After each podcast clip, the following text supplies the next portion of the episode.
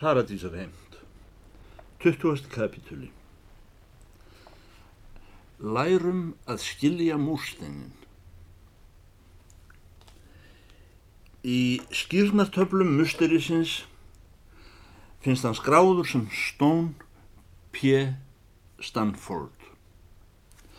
Menn vita óglögt hvaðan þetta einkennlega P. er runnið sem er haldið að sé einhver viskan úr raunólfipresti. Bryggleggjaragarður, sem svo heitir á þeirra máli. Þar blanda menn strái við leir. Stráið lætur leirin loða saman. Þetta er kallað adobe.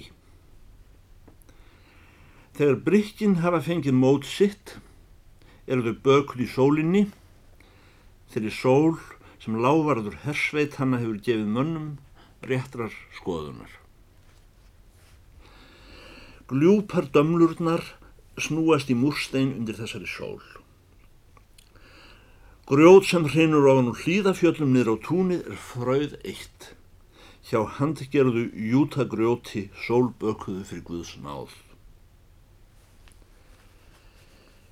Þessi bryggleggjara gardur liggur austan hald og þó ögn til söðurs við núverandi minnismerki um 16 Íslendinga sem gengur við reyðimörkina á undan flestum mönnum.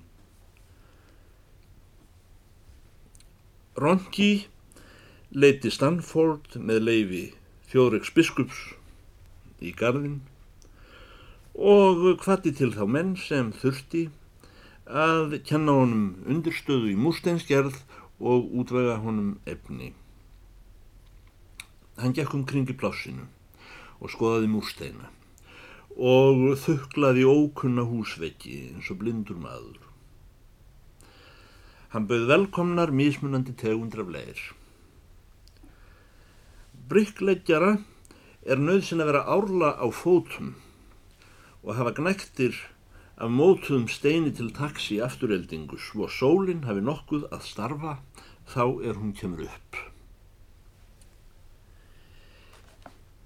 Í passíu sálfum stendur að það sé ekki nema óguðlegir menn sem fara að snemma á fætur, segir einn vegfærandi. Ekki nema miðlungi heilagur maður. Hann er á leið heim til sín undir dögun, segist að fara að hátta. Þeir menn einir, bætir hann við, sem get ekki sofið fyrir illmennsku eins og hann sér á raunhólur.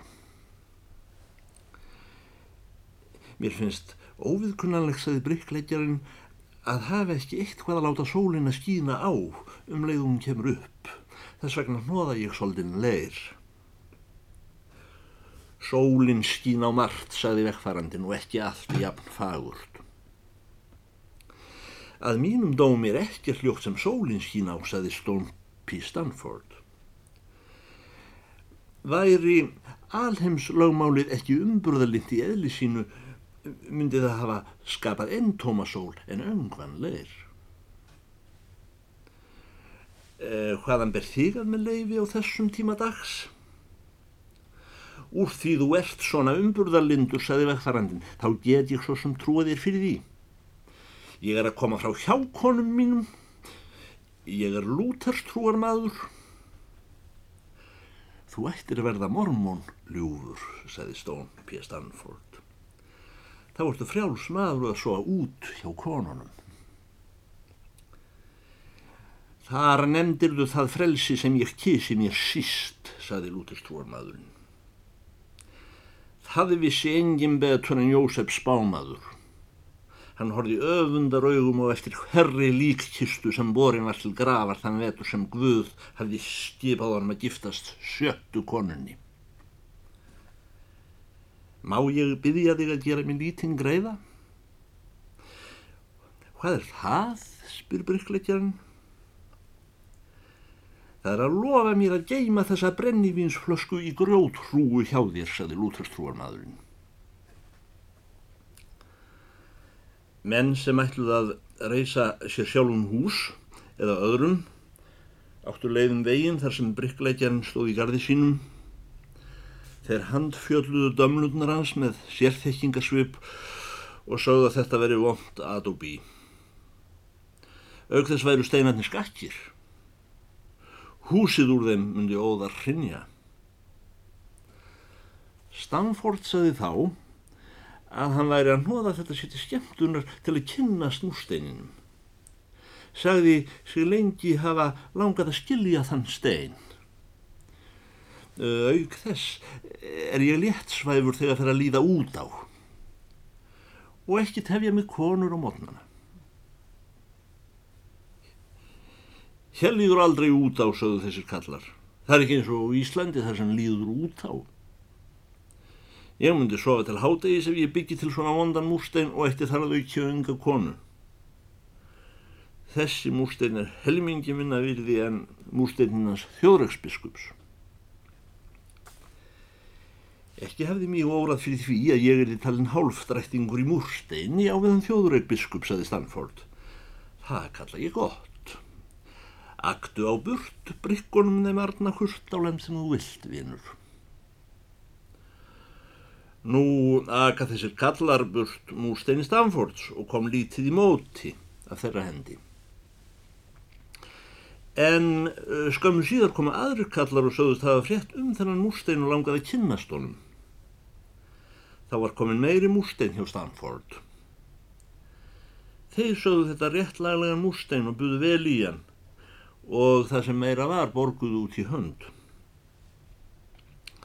Þessi forðum bondi undan steinallífum sem varla hafiði séð slegna mynd fyrr, stendur þar í miðju fyrir heitna landinu og kreistir stóra sylfur hlunga.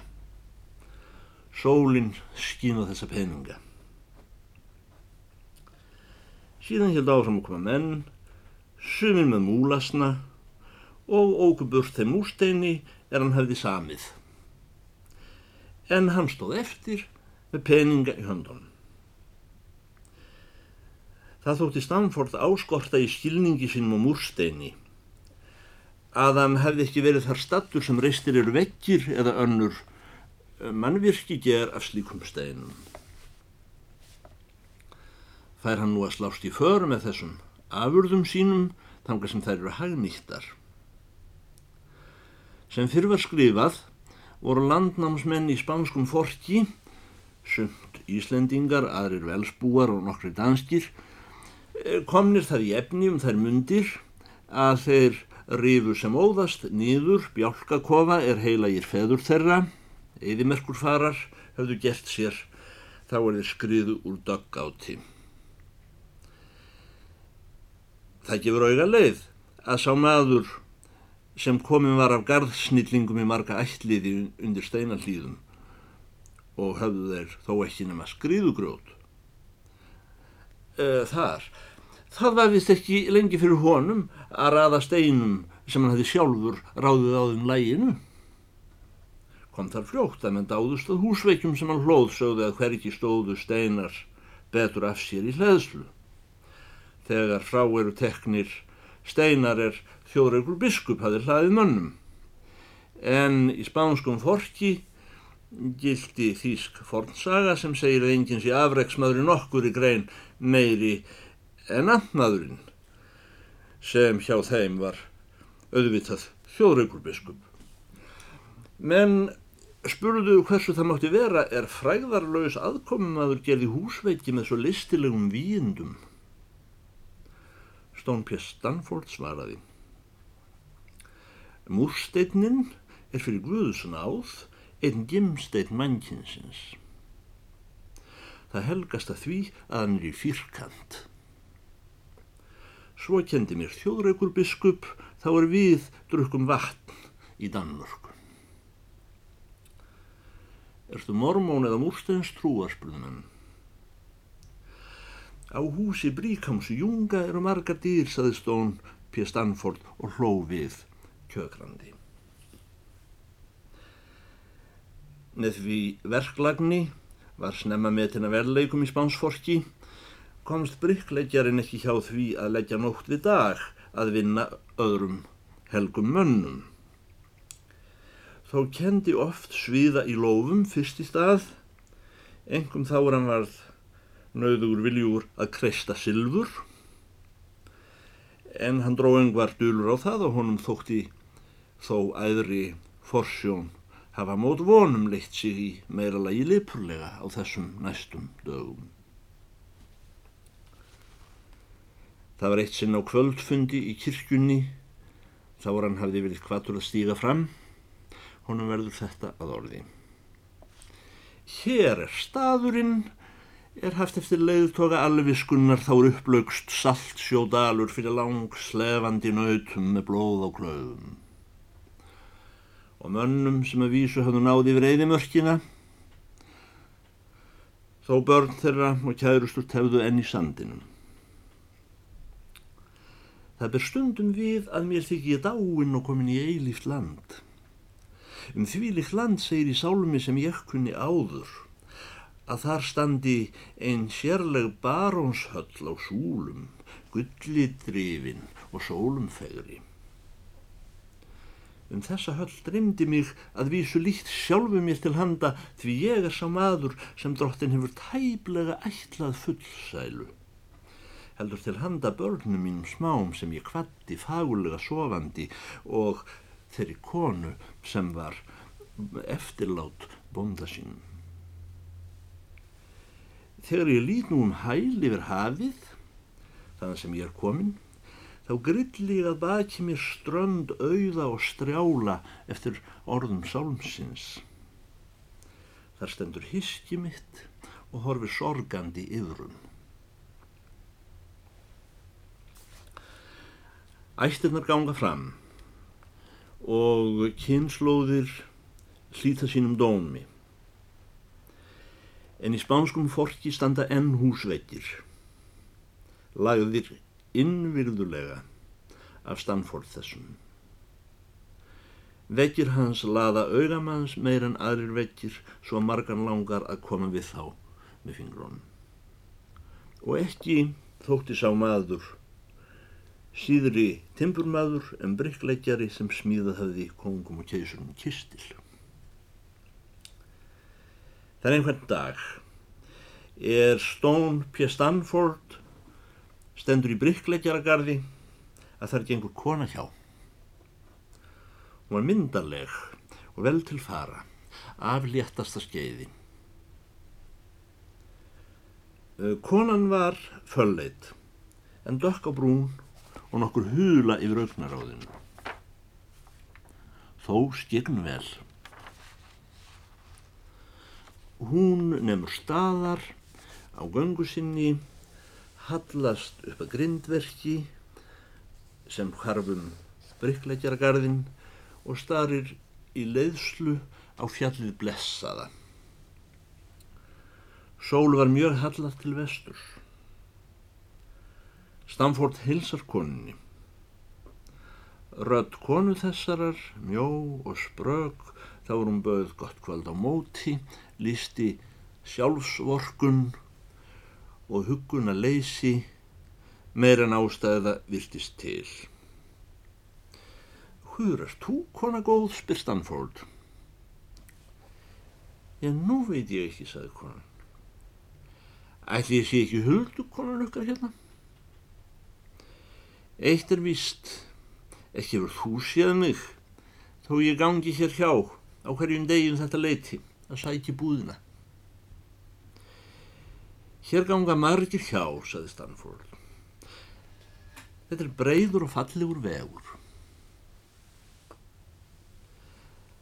Það er allavega von þú sjáur annað eins augnagróm á mig, saði konan. Ef satt skal segja, þá verður mér einna starfsínast á múlasnana því þeim er ég óvanur, sagði Stamford. Það eru yfir tak höfðinglega skemmur. Fyrirgefðu, sagði konan. Ég er því miður ekki múlasni. Hún rak upp stólan hlátur yfir grindverkið og það var eins og leistust af henni innri bönd. Ronki, segir þú heitir Stompi, sagði konan, er það satt? Þó skam sér frá að segja, saði Stanford, þá þekki ég nú ekki lengur sjálfan mig fremur en þú. Þaðan af síður ég viti hvað ég heiti. Það er ekki von og þekkir sjálfan þig, saði konan og var ekki lengur hlátur í hug. Sá sem þekkir ekki aðra, hann þekkir ekki sjálfan sig. Bryggleggjarinn hætti að hugsa um múrsteinin sem snöggvest og gekk upp að grindverkinu til konunar og eins og hálf stalst til að hafa upp fyrir henni hefði forna heiti sitt steinar kútur steinsson undan hlýðum og þó ekki. Eftir að hann var farin að huga að múrsteininum aftur bætti hann við þessum heimsbyggis eftirmála jam, jam. Ég hér líka einu sinni Þorbjörg Jónsdóttir, saði konan. Nú heiti ég í hæstalagi Borgi, en dóttir mín ekki neitt. Mér þykir þú segja fréttina, saði Bryggleikjarinn. Góð hefur blessu tíðin verið það aðversumri. Tíðin, saði konan, hvað er það? Ég átti við að Guð verður sendt oflofaður fyrir veðrið fremur en annað, saði Bryggleikjarinn. Ja, er það kannski ekki einlegt að lofa einn hér, saði konan. Ekki hef ég orðið vörfið að þessi ferð að spara bæna höldin. Þó maður há ekki hann að botla af rópvatni upp úr kjaldónum hjá því, fylgja lögn þula. Ég segi fyrir mig, ég vildi nú heldur fá góðan kaffibotla bæna löst. Satt segir þú hinn frómi, saði konan við draugin, eða var það ólukkin, svarar bryggleitjarinn.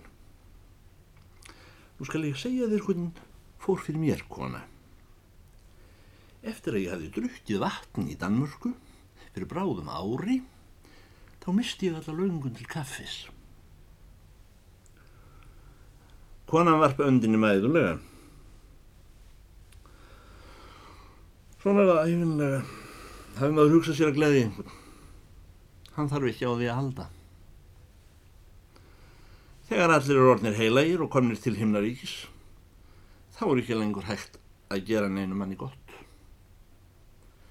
Reyndar ekki illt heldur. Það er eins og í tuktúsinu. Allir hafa allt. Ég var búin að hugsa mér að það veri sannlega gustug að færa ókunnugum einstæðingi kaffi þó ekki verið nefn einu sinni viku. Þó skam sér frá að segja þá er ég er nú ekki heilagri en það að síst myndi ég fúlsaði kaffibotla sem að mér væri réttur á góðum hug, saði blikkleikjarinn og kjökur hló. Himnaríki er nú ekki enn tómt rópvatn, en einu sinni viku heilin mín er það nú ekki á mikið. Ættum við ekki að segja eins og einu sinni á ári. Ég gæti eftir vil við hendurleika hjálpa þér um múrsteinsbrot ef einhver staðar kynna vera hrunið úr vegg hjá þér. Meðal annar orða, heyrði ég rétt og niður blíðan mín er Guðspjallið farið að böglast ögn fyrir þér. Ég trúi því sem ég sínist, sagði konan í þessum sífru tóni sem brást enn ekki nema þegar hún hló. Hún held áfram að starfi um bryggleikjara gardin og gegnum viðræðanda sinn á fjallið fyrir handan. Einu sem þegar ég var stelpa, það var reynd að útskýra fyrir mér Guðspjallið. Ég hlósa mikið að það var að bera mig út í fjórum skautum. Ég giftist manni sem var Jósepíti. Ég byð og segi, saði bryggleikjarinn, fyrirgefðu fávisku mína, hverju trúir blessaður húsbóndin? Hann trúði því að frelsarinn myndi bráðum fara að koma, saði konan. Og hann trúði því að þegar frelsarinn kæmi, þá myndi hann fara fyrst að hitta mann sem ég man ekki hvað heitir og átti heim í Independence með Súri. Er það rámt? Það er að minnst að kosti stórmerkileg hugmynd, saði bryggleikjarinn. Og úr því þú átt bónda þá langar mig ekki síður að tala við hann og fá að koma heim til ykkar og drekka kaffi með ykkur hjón og ræða við ykkur um þessi undur. Já, þú gerir slagið því að setjast til borðs með honum, saði konan. Hann er sem sé farin fyrir áttján árum til Independence, Missouri að býða eftir því að Jésús Kristur kom á hann á himni. Independence með Súri, saði brikkleikjarinn, það kallar ég rætt. Það var merkilegu staður. Okkur var einlegt kjent að heim á Íslandi að þegar frelsarinn kemi aftur þá kemi hann í dalinn Jósafat, það stendur í biblíunni. Ef frelsarinn kemur aftur á annar borð, saði konan, akkur ætti hann þá ekki að koma til Independence með Súri en það má svo sem einu gilda hvort hann kemur þangað eða annað. Ég veit bara það að maðurinn minn kom upp tindur. Já, hérna sagði Bryggleikinn, kom upp tindur. Ég samsíkist þér kona. Það er svo sem ekki fyrsta sinn sem er koma upp tindir hérna, sagði konan. Þeir kom upp tindir í hrönnum Hitt þykir mér hart að helgin menn sem eru þó enn vísir hér í dalnum. Skul ekki rétt að heiðalegri ekki hönd heldur láta okkur dóttun mín að vera útsettar fyrir lútarstrúarmönnum. Með leiði hefur nokkur skilið eftir brennivíðni sitt hér í grótrúu. Ef svo er, ég ætla að byggja þig að vísa mér á flöskuna svo ég geti brotið hana við stegin. 21. kapitúli Gott kaffi Upp frá því færði kona þessi bryggleikjaran um kaffi í flösku einu sinni viku. Flöskunni stakk hún hann í sokk og brá sokknum undir yfirhöfn sína. Hann fór mörgum fárum orðum um göfulindi hennar hverju sinni og uh, tók fram málið sitt sem hann var annars vanur að hafa til vastrykju. En hann drakk aldrei nefn hún í hálfa flöskuna hjá konunni og um, leta hann að fara heim með það sem eftir var. Maðurinn minn drakk æfinlega fulla flösku, saði konan. Já, hann var nú líka Jósef Píti, saði Stone P. Stanford, en varaðist að öðru leiti að minna konuna á hvernig farið hefði fyrir þessum manni á hlókonan. Hún var ekki skrafhrifin úr hófi og þó hann ymbraði á einhverju heyrði hún oft ekki sækir leiðslu um hvað hann var að tala og vaknaði við á hann fann að hlæja. Guðsást fyrir kaffið, saði hann. Haldu til besta, saði konan. En þegar hún var búin að gefa honum kaffi í nokkrar vikur þá segir kona þessi upp úr þurru hvernig stendur á að þú ert búin að vera mormón þetta lengi og ekki fann að fá þér konur? Já eina hún dugir mér sagði Stanford og kjökur hló. Einn kona hvað er það? spyr hún. Það þótt að minnst að kosti ekki mikið í biblíunni kannski þú sérst ekki fullkomin mormón. Veit ég þá sem eru síst lakari mormónar en ég og eiga þó önga, saði Stanford og nefndi í þá veru Runolf Brest, stallbróður sinn. Hann rongi, saði og hló, þér dettur þó ekki huga að hann rongi sér til nokkur nýtur. Nei, það er lakur lútestrúar maður sem ekki skár en hann rongi. Nú upplestu þá eina visku sem engin kallmaður er dómbæru mannan og nú þegi ég, saði Stamford. Ætla leynist ekki eitthvað í þér af lútastrúarmanni enn, saði konan.